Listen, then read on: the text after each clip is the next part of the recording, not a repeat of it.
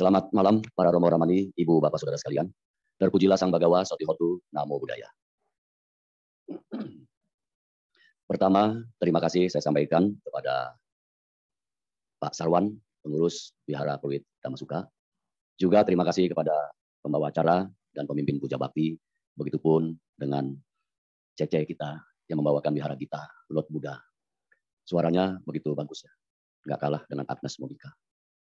Juga Bapak dan Ibu, terima kasih sudah hadir pada malam hari ini di wihara kita yang mulia ini. Gak kerasa dua tahun lebih ya, dua tahun lebih Ibu ya. Ibu tambah muda aja. dua tahun lebih kita nggak tatap muka, lewat Zoom aja lihat. Lewat Zoom, saya ceramah juga lewat Zoom, nggak lengkap. Rasanya ada yang kurang gitu. Kalau belum ketemu wajah-wajah Bapak dan Ibu yang ngangenin, bikin rindu, bikin kangen. Berdoa siang malam supaya tamu yang nggak diundang itu cepat pergi dua tahun lo betah di namu di tempat kita. Oh nggak boleh, ini nggak boleh, ke mana-mana pakai masker, tangan dicuciin mulu, tipis kulit. Nggak kerasa banget dua tahun Bapak Ibu ya, rasa rindu ya. Ternyata beda tuh puja bakti di rumah sama di wihara ya, kayak tadi meditasi. Biar kata 10 menit ada ya, 5 menit, biar kata 5 menit, khusyuk banget, tenang banget. Kenapa? Sebab kita ada di dalam masalah yang mulia ini. Maka HP biar bergetar bagaimanapun gak bakal kita angkat. Coba di rumah, duduk dua menit, kegetar HP. Pengen meditasi judulnya mah. Kegoda untuk dilihat itu HP. Tengok lagi, gagal dah meditasi. Tapi kalau di wihara kayak duduk, kita tenang semuanya, udaranya sejuk ya. Teman-teman sedama ada di samping kita, di depan, di belakang kita. Eh, luar biasa banget. Ini malam saya juga beda penampilannya. Ya. Gaya enggak Bapak Ibu? Gaya. Kenapa saya pakai ini? Bukan kegayaan, dingin. dingin beneran dingin. Makanya saya siapin di mobil. Ini juga bukan boleh beli, dikasih sama wihara dan Majaya Tua Sebio. Saya bilang minta satu dah, kalau Kapolda masuk sama kagak tahan. Dinginnya luar biasa, AC-nya kayak mau. Nah, makanya saya bisa pakai ini. Ke satu, membuat saya lebih tampan walaupun sudah tampan. Yang kedua, melindungi badan saya dari dingin. Ya, sia-sia ya semuanya. Nah, udah hadir pada malam hari ini berkaitan dengan topik yaitu kekuatan dari kekuatan dari cinta, kasih dan sayang. Ya, kekuatan dari cinta, kasih dan sayang. Nah, Bapak Ibu, kita bersyukur sampai saat ini kita dalam kondisi sehat. Nggak kurang apa pun juga ya. Nah, badan masih tetap sehat sekalipun ada perubahan dalam jasmani kita. Lalu Bapak Ibu lihat saya dua tahun yang lalu, nggak putih begini saja, sekarang tambah putih. Ini kalau putih itu menandakan orangnya tambah bijaksana. Ya gitu ya. Nah, tapi kalau saya beda. Dan putih ini karena belum disepuh. Rencananya pengen disepuh juga. Ibu Bapak yang berbahagia, Asada. Sudah peringatan Asada kita? Tanggal 30 nanti. Asada. Tanggal 30. Kemudian minggu kemarin itu ada satu upacara besar yang di Candi Borobudur, Bapak dan Ibu ikut nggak? Nah, yang ikut bersyukur ya, bersyukur karena bisa mengikuti puja asalha puja asalha dengan uh, apa, menguntarkan kembali uh, suta-suta. Ya. Maka itu disebut Indonesia Tipitaka Chanting. Bagi yang sudah ikut, itu mempunyai karma baik yang luar biasa. Konon ceritanya dari Pembimas Kementerian Agama Buddha, Pembimas Buddha, dari Kemenak itu menerbitkan sertifikat bagi yang ikut. Gitu. Bagi yang ikut, ITC itu ya. Indonesia Tipitaka Chanting. Berbahagia. Nah, tanggal 30 nanti di sini seperti tadi pokok kita bilang. Tanggal 30 ada peringatan Asada 2566 Buddhis Era tahun 2022 di Wihara Perwita Masuka yang kita cintai dan kita sayang ini. Nah, hadirlah Bapak Ibu nanti berbondong-bondong, ajak saudara, ajak anak, suami, istri, tetangga, semua diajak untuk melakukan kebajikan-kebajikan. Tamu yang udah pergi aman ya, maka dari Pak Bapak Presiden kita perintahkan, saya kasih tahu pengumuman sudah boleh buka masker. Tapi saya lihat Bapak Ibu masih pada pakai masker. Saya nggak pakai masker. Kenapa? Sebab jarak kita jauh. Ya. Nah oleh karena itu saya cuma siapin doang masker tapi nggak dipakai. Kenapa nggak dipakai? Supaya Bapak Ibu dapat bebas memandangi wajah saya. Yang sudah dua tahun lebih kita nggak ketemu ya. Sebebas-bebasnya puas-puas.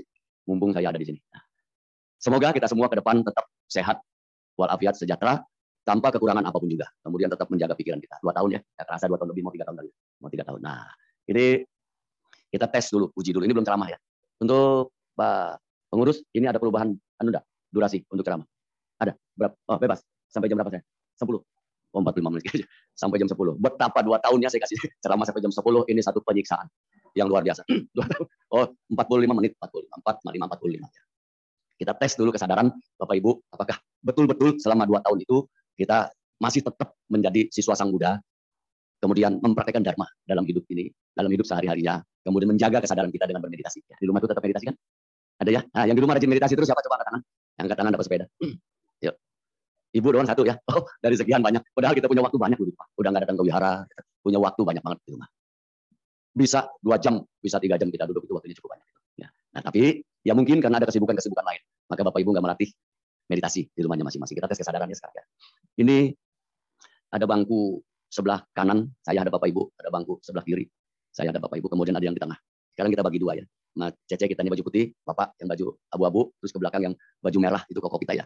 Ini ibu-ibu sebelah sini ke sini, ini ke sini ya. Kita tes kesadaran ya. Ini untuk menguji apakah kita tetap terkendali selama dua tahun kagak ketemuan. Coba semoga Bapak Ibu sesuai dengan apa yang saya harap ya, dapat melatih kesadarannya dengan baik. Oke. Sekarang kita tengok dari sini. ini ada lampu, lampu downlight ya, downlight sebutnya ya. Downlight ini ada satu, dua, tiga, empat, lima, enam, tujuh, delapan, sembilan, sepuluh. Tengok ke sana ya, ada sepuluh ya, ada sepuluh. Oke. Sebelah kanan saya ini Bapak dan Ibu juga rasanya pasti sama, nggak mungkin nggak sama. Hitung satu, dua, tiga, empat, lima, enam, tujuh, delapan, sembilan, sepuluh. Yang ini kagak hitung ya, yang sebelah sana doang. Sepuluh sebelah kanan, sepuluh sebelah kiri. Sepuluh kanan, sepuluh kiri. Yang bagian sini ke sini, yang ini ke sini. Coba kita tes kesadarannya. Yang sebelah sini ini untuk menyalakan lampu ini ada yang namanya saklar, gitu. Saklar ya, saklar. Pencet lampu nyala. yang sebelah kiri saya ini juga sama. Pencet lampu nyala semua. Nah. Tapi ada perbedaan, ada perbedaan antara kanan dan kiri. Ketika lampu itu dinyalain, ketika lampu itu dinyalain. Ini yang sebelah kanan ini pasti cetek saklarnya, tombolnya dipencet, cetek gitu. Nyala lampunya. Bet, nyala semua. Selama 24 jam. Kagak mati-mati. Selama 24 jam. Kemudian yang sebelah kiri ini sama, saklarnya dipencet. Ya. Dan apa yang terjadi? Ada perbedaan kanan dan kiri. Ternyata yang ini begitu pencet tombolnya, nyala terus 24 jam. Ini juga sama, mau dinyalakan 24 jam. Tetapi ada sedikit perbedaan antara kanan dan kiri. Begitu ini dinyalain yang sebelah kiri. Cetek. Terjadi lampunya nyala, hidup, nyala, hidup, nyala, hidup, nyala, hidup. Nah, pertanyaannya, mana lampu yang cepat putus? Ya, sebelah sini ya Pak, sebelah sini ya. Coba yang setuju, sebelah sini cepat putus, angkat tangannya. Satu ibu yang rajin meditasi, dua, tiga, empat, lima, enam, tujuh, delapan, sembilan, sepuluh, ya sepuluh ya. Nah, yang nggak angkat tangan berarti nggak setuju ya. Lampunya cepat putus ya. Kagak setuju ya, lampunya cepat putus ya. Ya Bapak Ibu, ini tes uji, bukan uji nyali, bukan uji nyali, uji kesadaran. Maka pentingnya kita menjaga pikiran kita. Harus fokus selalu, harus fokus selalu. Ulang ya, sepuluh lampu sebelah kanan, begitu dipencet saklar, tombolnya dipencet, tuh kenceng, nyala voltasinya bagus, bet nyala, uh, mantap 24 jam. Yang sebelah kiri, tombol dipencet, terjadi perbedaan. Nyala, hidup, nyala, hidup, nyala, hidup, nyala, hidup. Berarti yang cepat putus yang mana sekali lagi? Kiri. Oke, kanan. Oh, kenapa kanan cepat putus? Nyala terus. Oke ya, Bapak Ibu di sini makanya letaknya. Ada satu peribahasa bilang begini. Kalau orang ngomong apa pun, kita hendaknya dapat fokus. Jangan gampang terpengaruh apa yang disampaikan orang itu. Sebab kata-kata itu dapat menghipnotis seseorang menjadi kacau, menjadi kacau, mempengaruhi pikirannya. Nah, itulah pentingnya meditasi. Meditasi itu kita melatih diri kita. Cide di rumah meditasi terus toh. Selama kita pandemi itu nggak nggak aktivitas ya, nggak ada aktivitas wihara, berarti sudah terlatih dalam pikirannya, ya, dalam menjaga pikirannya. Tetapi ada satu hal yang mungkin belum diperhatikan. Kenapa? Karena fokusnya tadi terpecah. Dan Bapak Ibu, saya mau kasih tahu satu rahasia tadi ya yang mempengaruhi pikiran Bapak dan Ibu. Karena itu kita pikiran kita harus tetap fokus. Lampu sini nyala terus, Koko kita bilang ini yang cepat putus, Bapak Ibu 10 orang sebelah kiri cepat putus. Kenapa ini cepat putus? Karena dia nyala terus. Kenapa ini yang sebelah kiri kata 10 orang tadi cepat putus? Karena Oke, Bapak mantap. Mau saya tanya satu hal. Ini hidup terus, yang ini perhatiin ya Pak, nyala, hidup, nyala, hidup, nyala, hidup. Apa bedanya dengan nyala terus, nyala, hidup, nyala, hidup? Saya tahu. Satu hal yang membuat Bapak nanti kacau pikirannya karena lihat tangan saya. Ya toh? Nyala hidup, nyala hidup, nyala hidup. Nah, itulah. Dalam kondisi situasi apa pun, orang ngomong apa pun perhatikan baik-baik. Kalau Bapak Ibu nggak perhatikan baik-baik, maka tadi kita akan terkecoh. Gitu ya? Ah, maka anggota-anggota dewan itu kalau rapat rame-rame itu nggak bisa fokus. Kenapa? Sebab mereka rame-rame pengen ngomong, tetapi dia nggak tahu apa yang dia ngomong. Cuma interupsi, interupsi, interupsi, interupsi. Dia nggak tahu apa yang dia ngomong. Nah inilah pentingnya kita menjaga pikiran kita agar selalu waspada dalam kondisi situasi apa pun juga. Tes yang kedua, tes yang kedua. Ini setelah ini berceramah, tes yang kedua. Berartiin lagi baik-baik ya. Saya nggak tahu ada apa di pikiran Bapak dan Ibu nih. Saya nggak tahu ada apa di pikiran Bapak dan Ibu. Maka pikiran itu pelopor. Setuju ya? Dama pada ini yang paling depan tuh. Menyatakan eh, di sini disampaikan pikiran itu adalah pelopor. Pikiran menentukan kejadian-kejadian. Oleh karena itu sekali lagi saya sampaikan, hendaknya kita fokus terhadap apa pun yang kita lihat dengan kontak mata kita. Kemudian kita dengar dengan telinga kita. Jangan-jangan kita salah mengartikan semuanya. Seperti tadi.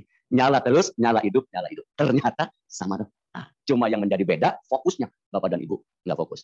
Oleh karena itu rajin-rajinlah untuk bermeditasi. Setiap kejadian apa pun hendaknya kita cerna terlebih dahulu, jangan buru-buru ngambil keputusan. Saya juga sudah mengalami hal seperti itu. Informasi yang saya dapat dari anggota saya, keburu-buru saya ambil keputusan sehingga merugikan diri saya dan orang lain. Merugikan diri saya dan orang lain. Saya kapok. Belakangan begitu dengar apa pun nggak pernah saya ambil keputusan langsung. Saya cerna dulu pelan-pelan. Ditambah lagi usia sekarang sudah 63. Maka nggak boleh buru-buru ngambil keputusan apa pun juga. Bisa-bisa salah. Nah ini ya Bapak Ibu, tes uji kesadaran pada malam hari ini. Dua tahun kita nggak ketemu, ternyata masih belum bisa fokus. Wajar nggak? Wajar. Itulah sebabnya ke depan kita harus lebih melatih diri kita. Ya, tes yang kedua, mau nggak? Mau. tes yang kedua, oke nggak? Ah, tambah nanti lebih ketahuan lagi nggak pernah meditasi. Nah, kalau begitu, jangan. Nanti tes kedua, japri aja ke saya. Romo, apa tes yang kedua? Nah, supaya nanti biar nggak ketahuannya jarang-jarang meditasi. Baik, Bapak dan Ibu, Saudara sekalian, mari kita bersikap anjali. Kita awali damai sana pada malam hari ini dengan topik cinta, kasih, dan sayang menjadi satu kekuatan yang besar. Namo tasa bhagavato arahato sama sambuddhasa. Namo tasa bhagavato arahato sama sambuddhasa. Namo tasa bhagavato arahato sama sambuddhasa. Terpujilah Sang Bagawa yang Maha Suci, yang telah mencapai penerangan sempurna. Terpujilah Sang Bagawa yang Maha Suci, yang telah mencapai penerangan sempurna. Terpujilah Sang Bagawa yang Maha Suci, yang telah mencapai penerangan sempurna. Pancaran sinar kesucian dan kebijaksanaan Tiratana senantiasa memancar kepada kami semua, yang pada hari ini telah kami panjatkan parita, sutta, dan gata. Semoga kami semua senantiasa tetap berlindung dan dalam lindungan Tiratana. Semoga Dhamma tetap menjadi penuntun kami. Dan berkahnya Sangga senantiasa mengikuti langkah kami sekarang dan untuk selama-lamanya. Sabe sata bawantu suki tata. Semoga semua makhluk hidup berbahagia. Sadu, sadu, sadu. Terima kasih. Saya baru tiga minggu yang lalu, tiga minggu yang lalu, kehilangan satu sahabat. Merupakan salah satu pengurus di Labuan Wihara yang saya bina. Wihara Budara Tanah di ujung Jakarta. Cukup jauh dari sini yang pernah saya sampaikan berapa waktu lalu sebelum pandemi. Perjalanan dari Jakarta menuju Labuan bisa 4 sampai 5 jam. Itu tempat pembinaan saya. Kemudian dibangun Pusdiklat sudah berdiri 80 persen. Selama pandemi, dua tahun istirahat karena kehabisan dana. Ini bukan modus cari dana ya, bukan bonus modus cari dana ke Bapak Ibu bukan. Cuman kalau yang kasihan berdana. Teman saya itu, pengurus saya itu luar biasa. Mengabdikan dirinya untuk Buddha Dhamma itu luar biasa. Tidak diragukan lagi. Umurnya di bawah saya tiga tahun. Ini satu kebajikan ditimbun semasa hidupnya itu, itu luar biasa. Dan dia total mengabdikan kehidupannya itu untuk Buddha Dhamma. Setiap kegiatan apa pun saya undang, saya panggil, dia pasti datang ke Jakarta. Dan waktu pikiran, materi, tenaga, dia siap setiap saat. Namanya Pak Hendra. Nama tonginnya Ko Ahong. Datangnya dari Kundien. Lengkap ya. Usahanya toko emas di Pasar Panimban. Kalau ada kegiatan keagamaan Buddha khususnya, dia pasti tinggalin tokonya. Luar biasa, dia tinggalin tokonya untuk datang melakukan kebajikan-kebajikan. Jadi waktu berjalan, Ko Ahong ini melayani dengan cinta, dengan kasih, dengan sayang. Bapak dan Ibu, cinta dalam hal ini tanda kutip ya. Bukan cinta, cinta-cintaan antara seorang laki-laki dengan seorang perempuan. Yang masa-masa berpacaran, bukan. Cinta ini lebih pada pengembangan meta. Metanya begitu kuat. Untuk menimbun kebajikan dalam kehidupannya. Usahanya cukup bagus. Kaya sekali enggak. Tetapi lancar banget. Lancar sekali. Dan orangnya enggak pernah hitung-hitungan soal untung dan rugi kalau dalam berbuat baik itu. Dan dia nggak pernah setiap kali berbuat baik itu semoga kebajikan yang saya timbun ini berbuat toko saya laris manis nggak pernah. Seperti itu. Materi siap berkorban. Pikiran tenaga waktu dia nggak ada hitung hitungan luar biasa. Sering waktu berjalan mungkin dia punya tugas di dunia ini sudah selesai. Saya ngomong ke keluarganya kok Ahong ini sudah purna tugas di dunia ini?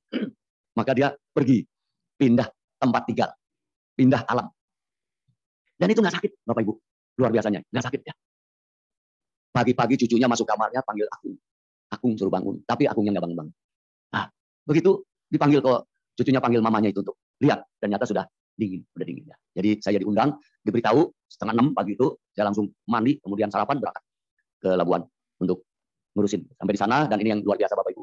Itu jenazahnya itu seperti orang tersenyum, nggak ada kelihatan menakutkan atau menjadi hitam, menjadi biru itu nggak, nggak seperti itu.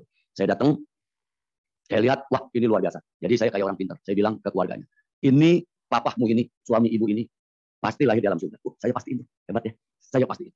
Pasti lahir dalam surga ini. Lihat wajahnya. Sedikit pun nggak ada seperti orang meninggal. Luar biasa. Saya bantu urusin, dibersihin dan seterusnya. Malam hari masuk peti, dan itu bapak dan ibu. Jenazahnya itu, wajahnya itu nggak pucat. Wajahnya itu bersinar. Kemudian seperti ada minyaknya gitu. Ya, saya nggak percaya ini apa dia benar meninggal apa. Saya pegang lagi badannya, kemudian kakinya, tangannya. Ternyata memang sudah dingin. Nah, ini menandakan apa yang dia lakukan semasa hidupnya, kebajikan-kebajikan yang ditimbun itu berbuah pada waktunya yang tepat. Sekalipun dia sudah mengalami peleburan jasad. Kalau saya menyebutnya peleburan jasad, bahasanya purna bawa. Bawa jasmani purnanya purna itu sempurna. Jasmaninya sudah ditinggalkan oleh batinnya. Maka sisa jasmani yang harus disempurnakan melalui pemakaman, melalui kremasi, dan seterusnya. Inilah Bapak dan Ibu yang saya mau bagi pada malam hari ini. Betapa kuatnya. Betapa hebatnya itu. Perbuatan kebajikan yang didasari oleh cinta kasih yang kuat. Dan dia nggak pernah berhitung dalam hal apa pun juga. Saya menghitungnya.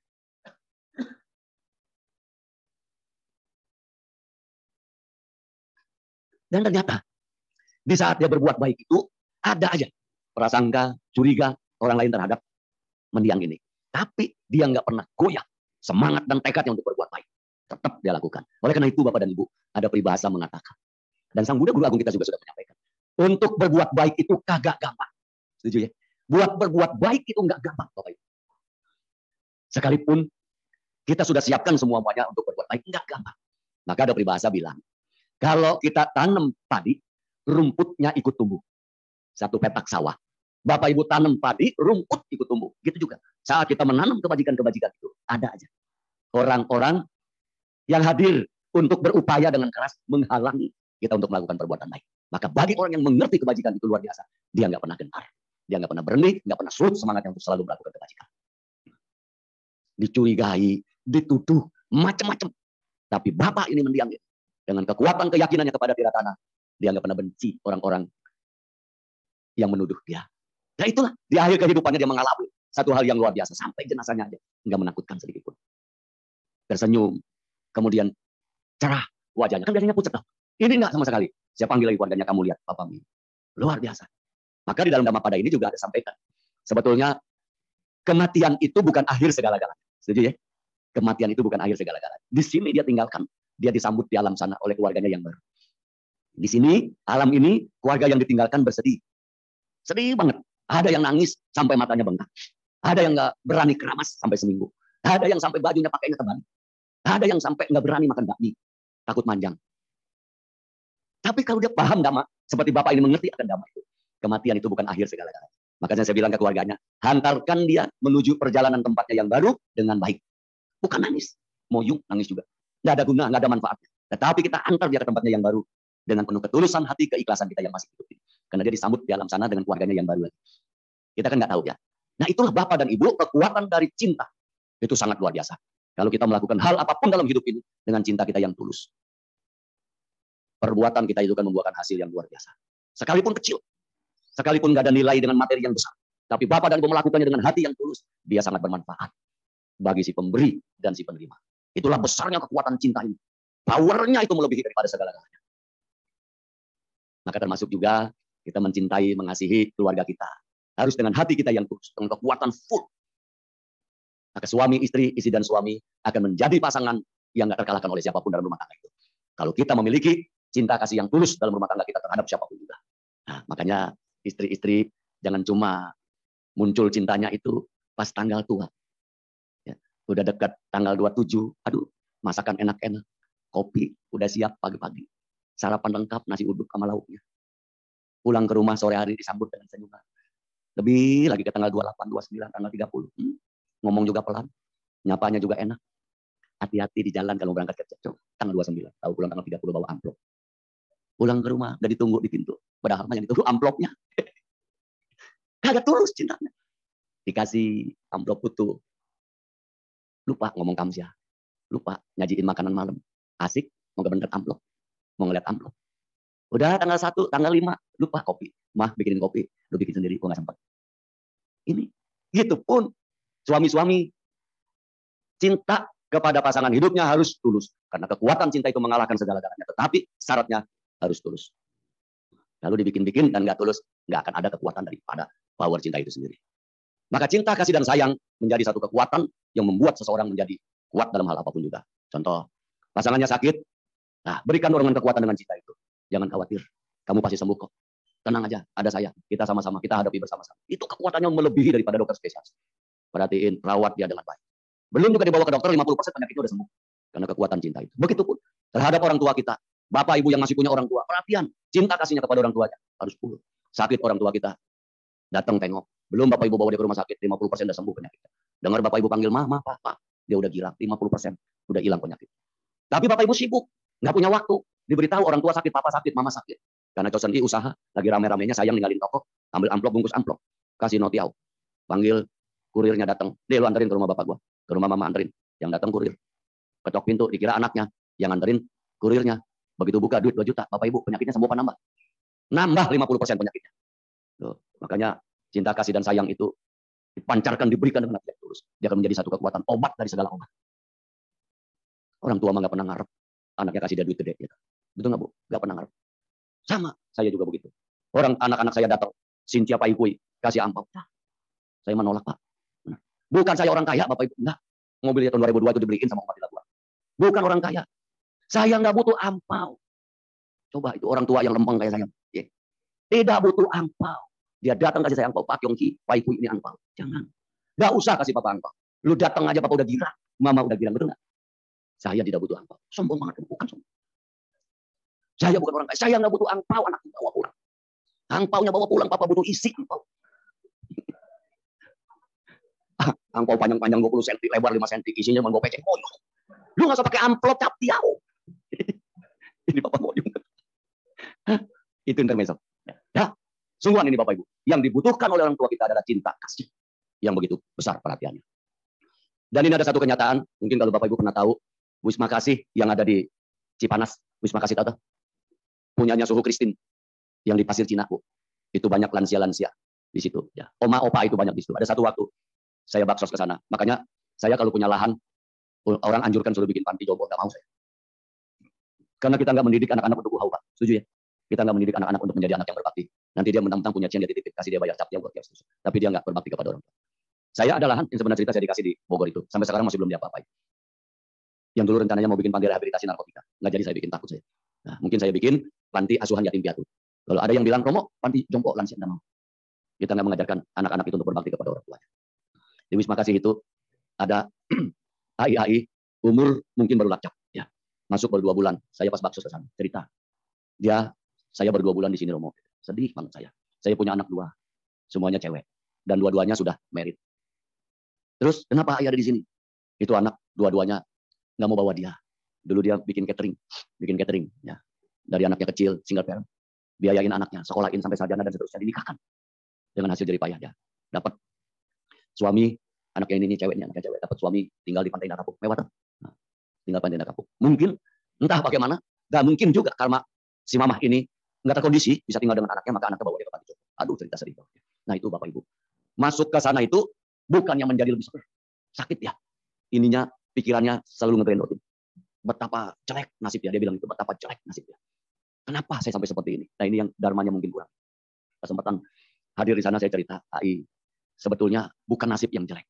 Bukan nasib yang jelek. Karena kebetulan berbuahnya akan memburuk AI. Tapi kalau AI bisa menerima ini semua dengan kesadaran full, tidak ada penderitaan. Bagaimana sih kesadaran full tadi? Satu, Bapak Ibu, inilah pentingnya kita mengenal, kita mempraktikkan Dharma, ajaran Sang Buddha dalam kehidupan kita. Dan Sang Buddha sampaikan. Apa pun yang terbentuk di dunia ini, yang berbentuk, nggak ada yang kekal.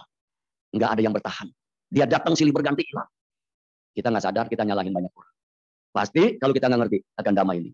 Anak itu tidak berbakti. Bukan. Kalau saya bilang bukan anak yang nggak berbakti. Dan memang kondisi karma baik si ayah itu nggak mengondisikan dia. Bisa tinggal dengan anak-anaknya. Tetapi dia bisa menyampaikan dengan bahasa dharma. Kalau dia mengerti dia meratapi nasibnya kasihan. Maka penyakit bertambah parah dalam kehidupannya. Nah, ini ada ungkapan juga.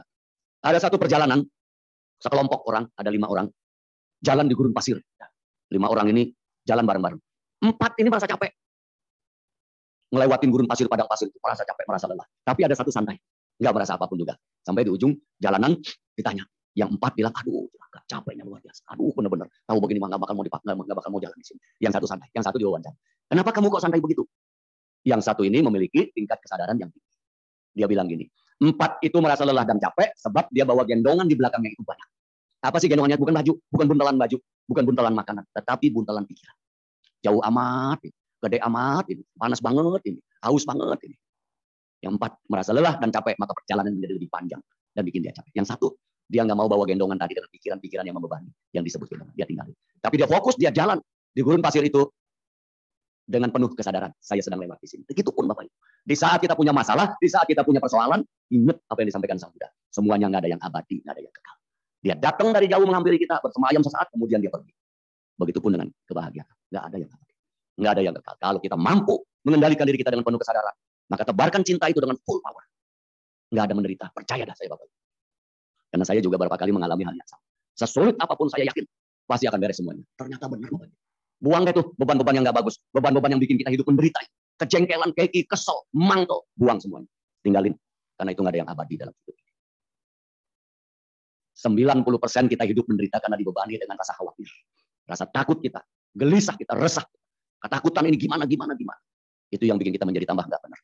Dan berapa kali saya tes uji coba, masalah sesulit apa pun, saya yakin Bapak Ibu saya bukan kesohor. Itu yang bangun pusdiklat itu siapa yang bisa pikir itu bisa dibangun. Di tengah-tengah umat muslim yang 99% garis keras di daerah ujung kulon. Bapak Ibu tahulah daerah situ. Tapi saya bisa beserta teman-teman mendirikan wihara, mendirikan pusdiklat di sana tanpa ada keributan dikit pun. Malah didorong, malah dibantu sama penduduk sana sekalipun dia muslim. Belum ngantongin IMB, mereka malah datang, bangun aja Pak Romo. Manggilnya Pak ditambah Romo, Pak Romo. Bangun aja Pak Romo. Saya gak kami garansi. Tidak ada satu potong bata pun yang hilang dari proyek sini. Kita garansi. Coba. Kenapa bisa begitu? Satu, kekuatan meta. Pancaran cinta kasih yang tulus tadi itu menjadi satu kekuatan. Dia akan mengalahkan apa pun juga. Tapi ini bukan bukan buat berantem ya Bapak bukan buat berantem. Tapi saya percaya dan yakin dengan meta cinta kasih yang universal itu nggak memandang suku, ras dan agama perempuan, laki-laki, kulit hitam, kulit putih. Kalau kita pancarkan meta itu dengan kekuatan keyakinan kita, hati kita yang tulus, semua diterobos dan semua berhasil dengan baik. Itu pun Bapak Ibu ngadepin pasangan hidup yang galak, istri galak, suami galak, jangan kendor semangat. Digalakin lagi, nggak bakal bisa. Harus dihadapi dengan meta. Meta cinta kasih dan kasih sayang yang tulus dari hati kita. Sama saya juga. Bapak Ibu tanya, Romo terhadap istrinya bagaimana? Namanya kita cari pasangan hidup itu pasti banyak perbedaan. Tapi saya ngertikan siswa sang muda. Ya Pak, ngerti Dharma. Saya hadapi semuanya itu dengan meta. Penuh dengan kesabaran. Gak pernah saya marahi istri saya. Coba, sampai sekarang. 30, 40 tahun masa pernikahan. Gak pernah saya omelin istri saya itu. Namanya Ibu Yuli. Beruntungnya perempuan itu. Dapat suami yang begini baik. Gak pernah saya omelin. Dia bikin salah, nggak pernah saya salahin. Gara-gara kamu, gara-gara kamu. Meta, panjang. Ngerti dama. Siswa sang Buddha. Dipanggilnya Romo, Pandita. Masa iya saya marah-marah? Tiap yang melakukan apa pun memang ada sedikit ceroboh. Apa pun yang dipegang ada aja yang jatuh. Tapi saya nggak pernah omelin. Ambil uang di dompet nggak pernah saya tanya kalau berapa. Mau belanja apa nggak pernah jangan beli nggak pernah. Wah mau ini beli, wah mau ini beli. Hebat ya saya. Nggak pernah saya larang dia. Beneran ini nggak pernah saya larang dia. Apa saya ngomelin dia nggak pernah. Bangun kesiangan nggak pernah saya bilang gimana sih jadi istri. Bangun siang-siang kayak begini, suami mau berangkat kerja, belum disiapin minuman sarapan nggak pernah. Dia nggak bangun, saya nggak pernah goyang badannya. Bangun, bangun, bangun. Biarin dia tidur, dia mungkin capek. Ini baik tuh. Bikin kopi bisa kita punya tangan, punya kaki ya, Bu. Ngapain mesti? Mau sarapan, ya masih goreng, tiba goreng, goreng doang, masukin kecap, masukin bawang, masukin bumbu racik. Aduk-aduk. Makan beres. Nggak pernah cerewet. Maka dia happy punya suami seperti saya. Kenapa saya nggak pernah marahi dia? Karena saya tahu dia mau jadi saya punya istri dia mau bahagia. Setuju ya Bapak Tuh? Maka buat saya seorang suami nggak boleh sakitin istri, nggak boleh bikin dia kecewa sedikit. Eh, dua tahun lu, please dong. Ngerti lah. Yang bagus-bagus gitu. Masa kode melulu. Dua tahun lu saya kasih waktu. Nah, masih juga kagak sadar. Kenapa saya nggak pernah marahin dia? Cuma satu pak kuncinya. Ya, meta tadi. Ya, kekuatan dari meta itu. Saya paham, saya tahu. Bonus kuncinya. Kenapa saya nggak pernah marahin dia? Sebab dia lebih galak dari saya.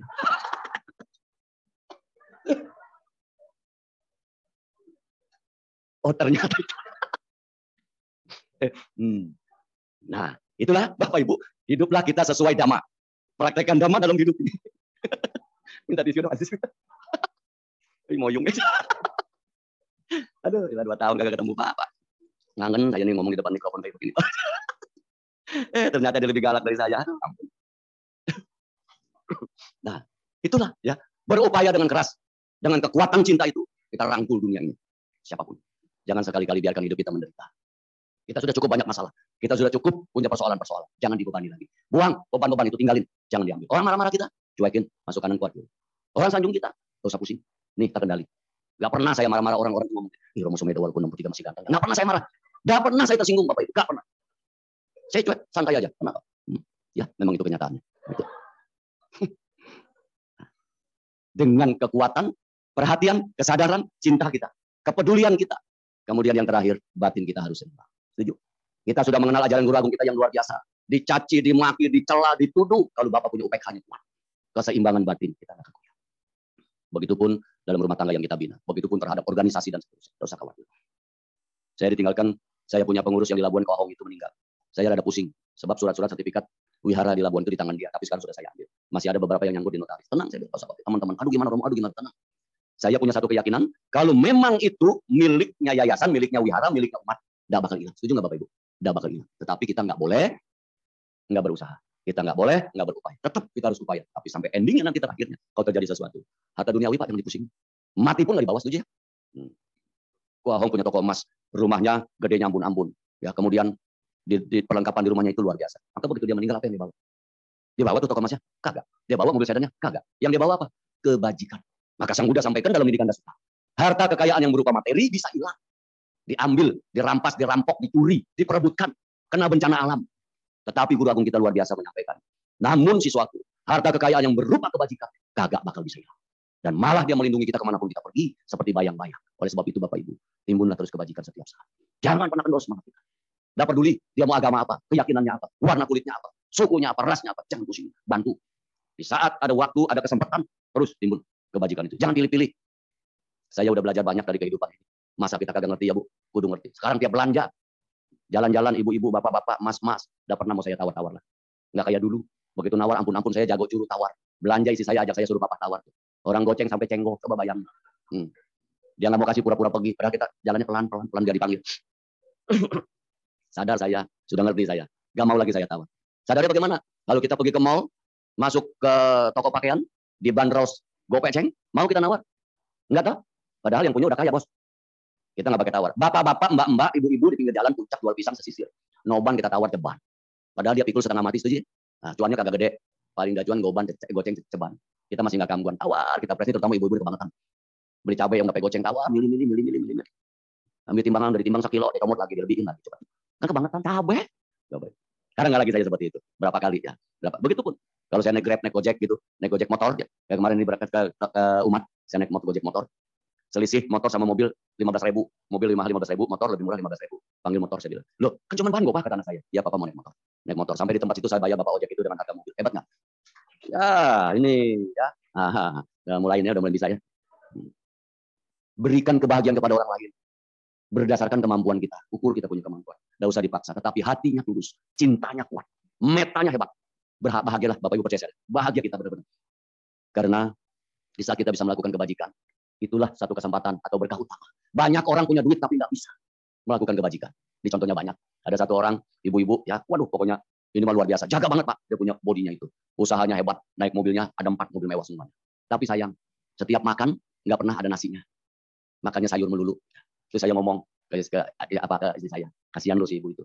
Walaupun dia punya duit, dia nggak mampu beli beras. Mending kita, biar kata beras harganya 45 ribu, tapi kita bisa beli beras. Dia naik BMW, naik Mercy, naik Alphard, nggak bisa beli beras. Kenapa? Sebab dia takut badannya gemuk, maka dia nggak makan nasi. Nah itu kan sama aja nggak beli beras kan? Lah kalau kita beras capadi, capatani, cap apa pun masuk. Mau hitam, mau putih, mau butak masuk.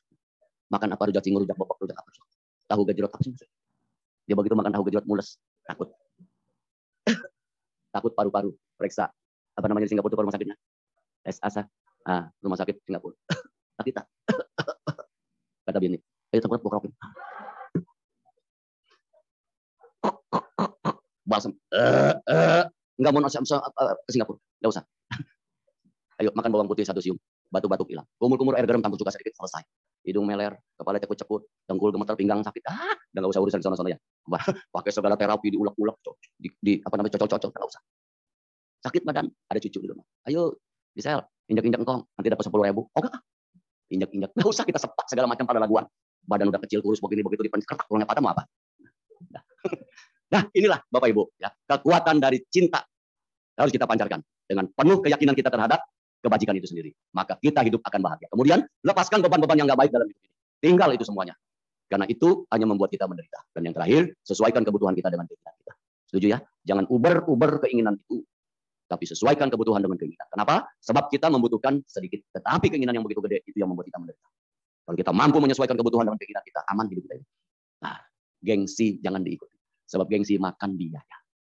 Sederhana aja hidupnya. Kalau memang dasarnya tampan, mau dipakai apa pun tetap tampan. Kalau memang dasarnya ganteng, ya tetap ganteng. Kalau dasarnya jelek, mau dipoles bagaimanapun ya jelek. Nah, penutup berterima kasihlah kita kepada COVID-19. Karena dia yang membuat kita hidup teratur. Ya.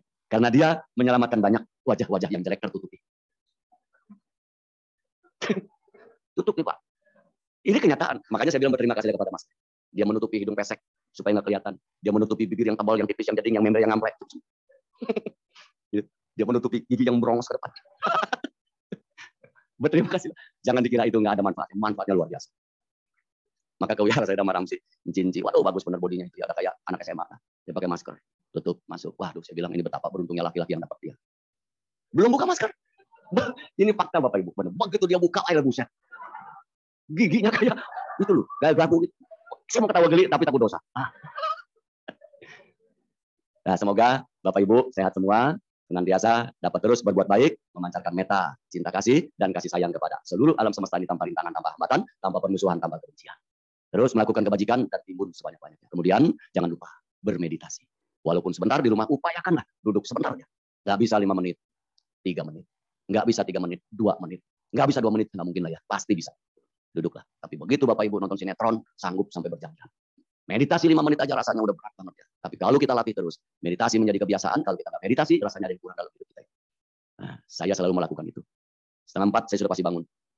Mau pulang jam tiga kayak dari Labuan itu dari Panimbang, tetap setengah empat saya pasti bangun. Paling telat jam empat saya sudah bangun. Langsung mandi? Ya enggak juga.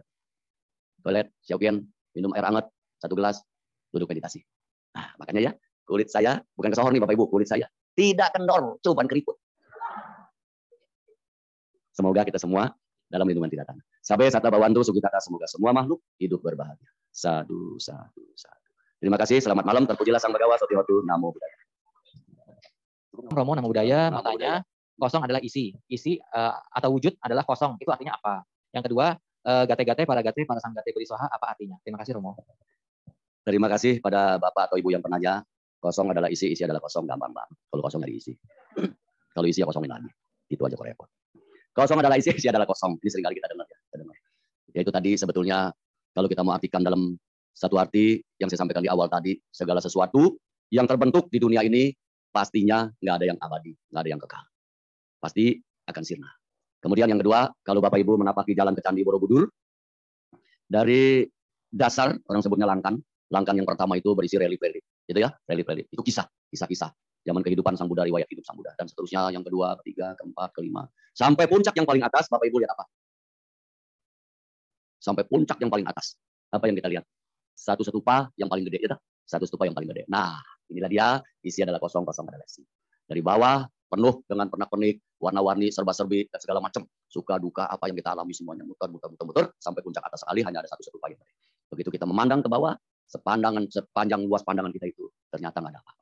Nah, inilah yang perlu kita waspadai, yang perlu kita sadari, perlu kita cermati dengan baik. Berjuang sih berjuang.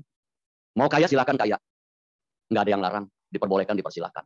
Tetapi harus diupayakan dengan baik dan benar. Karena pada akhirnya semua akan kita tinggalkan, yang kita bawa hanyalah kebajikan. Yang kedua, gate-gate para gate para samgate. Ya. Nah ini Bapak Ibu saya mohon maaf. Saya nggak begitu memahami. Mungkin ini bisa dijawab nanti oleh Suhu, Mahayana, ya tahu dari panditanya, dari uh, Tantra, ya karena ini ada sedikit berbeda dengan kita Theravada. Saya kurang begitu paham. Saya khawatir nanti malah salah mengartikannya. Kalau salah, saya bikin karma buruk. Nah, yang kedua saya mohon maaf ya. Oke, ada lagi? Pertanyaan berikutnya Romo. Uh, malam Romo, dalam kenyataan hidup malam. kita selalu merasa kurang, punya uang puluhan miliar juga masih kurang. Karena hidup ini tidak kekal. Contohnya kalau kalah dagang atau bangkrut, belum tentu besok ada teman kita mau menolong dalam uh, dalam hal ini. Mohon arahannya dari Romo biar kita bisa merasa cukup dan menerima kenyataan dalam hidup. Oke, sia-sia kamu Ya, makanya yang dagang usahakan yang bangkrut. Saya dulu dagang Pak. Gini-gini pengusaha saya. Ya, berhasil, benar, berhasil saya. Cuma tadi itu, saya nggak pernah merasa cukup. Saya uber terus, saya kejar terus. Saya sudah sudah budis. Sudah aktif saya. Tahun 86, 86 itu, saya diberi nama Sumedo oleh Bantai Sombat. Tahun 86. Sekarang berapa tahun jadi? 86 sekarang berapa tahun? Dari tahun 86, saya dapat nama Sumedo dari Bantai Sombat. Waktu Bantai Sombat masih muda banget. Ya. Di wihara kita kan anda ciacuk ya. Di wihara kita kan itu ada ciacuk. Kalau yang mau pesan kue tiaw goreng sama ciacuk itu kacamata ya. Promosi ya, Ci. Nggak apa-apa sekali ya, Ci. Kalau ada yang order dari sini jangan lupa capun. Hauce, kue tiaw goreng hauce benar. Tadi boleh kasih titip nomor teleponnya ya. Hauce, betul-betul hauce. Ya. Pianyi lagi. Ya. Pianyi hauce, ayo. Antol, banyak. Tahun 86, saya sudah kenal ajaran guru agung kita. Tapi karena godaan duniawi, saya cari duit, dharma saya tinggalin. Nah, kemudian saya kejar semua materi. Udah dapat berhasil. Bagus banget. Tapi saya nggak pernah merasa puas, nggak pernah merasa cukup. Naik terus. Rumah 3 meter, 10 meter pindah ke perumahan. Mobil nggak punya-punya, ganti lagi baru punya semua. Luar biasa, saya kayak roket naik gitu. Tapi karena tadi ketidakpuasan dan nggak pernah bersyukur, terus Uber terus. Waktu kerja saya itu sampai jam 3 subuh. Tiap hari itu, karena masih muda. Ini kacamata akibat daripada kerja seperti itu. Ya. Ke Uber, materi duniawi ini. Makanya setelah di Uber, Uber, Uber, Uber gitu dapat, tapi saya nggak bisa nikmati. Saya bukan piara tuyul. Bukan istri saya bukan jaga lilin, bukan yang salah ya. Nah. saya usaha, benar-benar saya usaha itu. Saya bikin barang sendiri. Cuma salah, saya dulu bikin barang palsu. Nah, nah palsu itu karena demi memuaskan nafsu keinginan tadi, saya ubur semua materi dunia, kekayaan atau materi duniawi. Dapat. Tapi begitu pada titik matangnya karma buruk saya itu, dia berbuah, maka saya ditangkap polisi. Ya. Nah ini fair aja jujur ya, jangan ikutin jejak itu nggak bagus. Nah, tangkap polisi, akhirnya duit yang ada itu habis buat nyogok polisi. Makanya orang tua kita bilang, duit setan dimakan jin. Berupayalah dengan benar. Kita harus mampu dan bisa bersyukur apa yang sudah kita punya. Jangan diuber-uber sama duniawi ini. Karena dia selalu membuat kita untuk kejar itu semuanya. Tapi jangan juga lemes. Maksud jangan juga pasrah, nyerah, salah besar. Ah, kalau begitu udah dah, kita nggak usah kerja besok. Ah, ini salah. Tetap upaya, tetap usaha, berapapun hasilnya. Dengan cara yang benar tadi, bersyukurlah. Bahwa satu, kita masih sehat. Dua, kita bisa kumpul keluarga sore hari, malam hari di rumah kita. Besok pagi, cari usaha lagi. Tapi kalau Bapak Ibu ikutin kayak langkah saya dulu, menyesal. Ah, begitu, karena buah karma buruknya yang gitu gede, saya sadar. Yang membuat saya sadar itu ya di dalam tahanan. Saya duduk meditasi, maka saya nggak pernah tinggalkan meditasi. Saya duduk meditasi, saya renungkan, saya dapat di situ. Bahwa apa pun yang dilakukan dengan dengan perbuatan-perbuatan yang kurang baik, dia akan berbuah pada waktunya yang tepat. Apa pun yang dilakukan dengan kebaikan-kebaikan, dia akan berbuah pada waktu yang tepat. Nah sekarang saya ngerasakan. Setiap kali kebajikan-kebajikan yang dilakukan ini, tanpa mengharapkan apa pun, dia berbuah pada waktu yang tepat. Salah satu contoh, wihara pustika bisa berdiri dengan baik. Hmm, saya nggak punya duit sama sekali. Saya percaya dan saya yakin. Tapi Bapak Ibu ini luar biasanya kebajikan itu. Begitu butuh apa pun, saatnya datang, saatnya nyampe, saatnya ada. Semuanya nggak bisa. Nggak bisa, nggak, nggak, nggak berbuah pada waktunya yang tepat. Nah, tambah kokoh, tambah kuat, tambah yakin. Terus timbul kebajikan. Makanya ini bukan pamer. Saya hidup sampai sekarang ini tidak pernah berkekurangan dalam hal apa pun juga. Saya cukup semuanya. Kenapa? Saya lebih bahagia ketika saya bisa melakukan kebajikan-kebajikan. Karena nggak semuanya bisa dihitung dengan materi. Ya, jadi penanya yang kedua tadi itu, kalau saatnya mengalami kemerosotan, jangan salahkan yang lain-lain. Tetapi introspeksi ke dalam diri kita. Pasti ada yang salah. Bukan orang lain, bukan ujian, bukan cobaan, bukan kutukan, bukan. Tetapi ada di dalam diri kita. Karena kita adalah sebab, maka menimbulkan akibat. Kita datangkan sebab-sebab itu, jadilah akibat-akibat itu. Siapa yang bertanggung jawab? Kita. Beresin oleh diri kita sendiri. Maka itu pentingnya bermeditasi renungkan ke dalam diri kita. Perubahan itu datang dari dalam, dari. Nggak ada yang bisa merubah kita kecuali diri kita sendiri. Mau lebih baik lagi, sekarang harus lebih baik. Mau lebih berhasil, harus rajin berusaha. Tapi caranya yang benar. Gitu? Jalan mulia berunsur delapan. Itu sudah bocah deh. Mata pencarian benar, daya upaya benar, usaha. Nggak ada yang kurang. Semakin kita merasa kurang, semakin kita uber, semakin kita kejar, ibu bapak semakin kita menderita. Nah, sesuaikan kebutuhan dengan keinginan kita. Selesai deh semuanya. Oke? Ya, terakhir Bapak Ibu saya mau tutup nih nama Desana pada malam hari ini dengan satu ungkapan kata-kata bijak seperti ini. Jika Anda membenci seseorang, maka Anda sudah dikalahkan orang tersebut. Belajar tanpa berpikir tidak ada gunanya. Kemudian berpikir tanpa belajar itu berbahaya. Jika Anda melakukan kesalahan dan tidak memperbaikinya, itu disebut kesalahan. Kalau kita melakukan kesalahan kemudian nggak memperbaikinya, itu disebut kesalahan. Hidup itu sangat sederhana, tetapi kita bersikeras membuatnya rumit. Ya, ini, ini, ini cakep nih. Hidup itu sebetulnya sederhana, tetapi yang bikin dia rumit itu adalah diri kita sendiri. Nah, kebijaksanaan, belas kasih, dan keberanian adalah tiga kualitas moral manusia yang diakui secara universal. Jangan pernah menyesal mengenal seseorang. Orang yang baik akan memberikan kebahagiaan. Orang yang tidak baik akan memberikan pengalaman. Orang yang jahat akan memberikan pelajaran. Orang yang sangat baik akan memberikan kenangan terindah. Nah, makalah jadi orang baik untuk selalu dikenang oleh siapa pun juga. Selamat berjuang. Semoga kita semua senantiasa sehat selalu, berhasil tercapai apa pun yang diinginkan. Terima kasih. Selamat malam. Terpujilah Sang Bhagawa Hotu. Namo Buddhaya.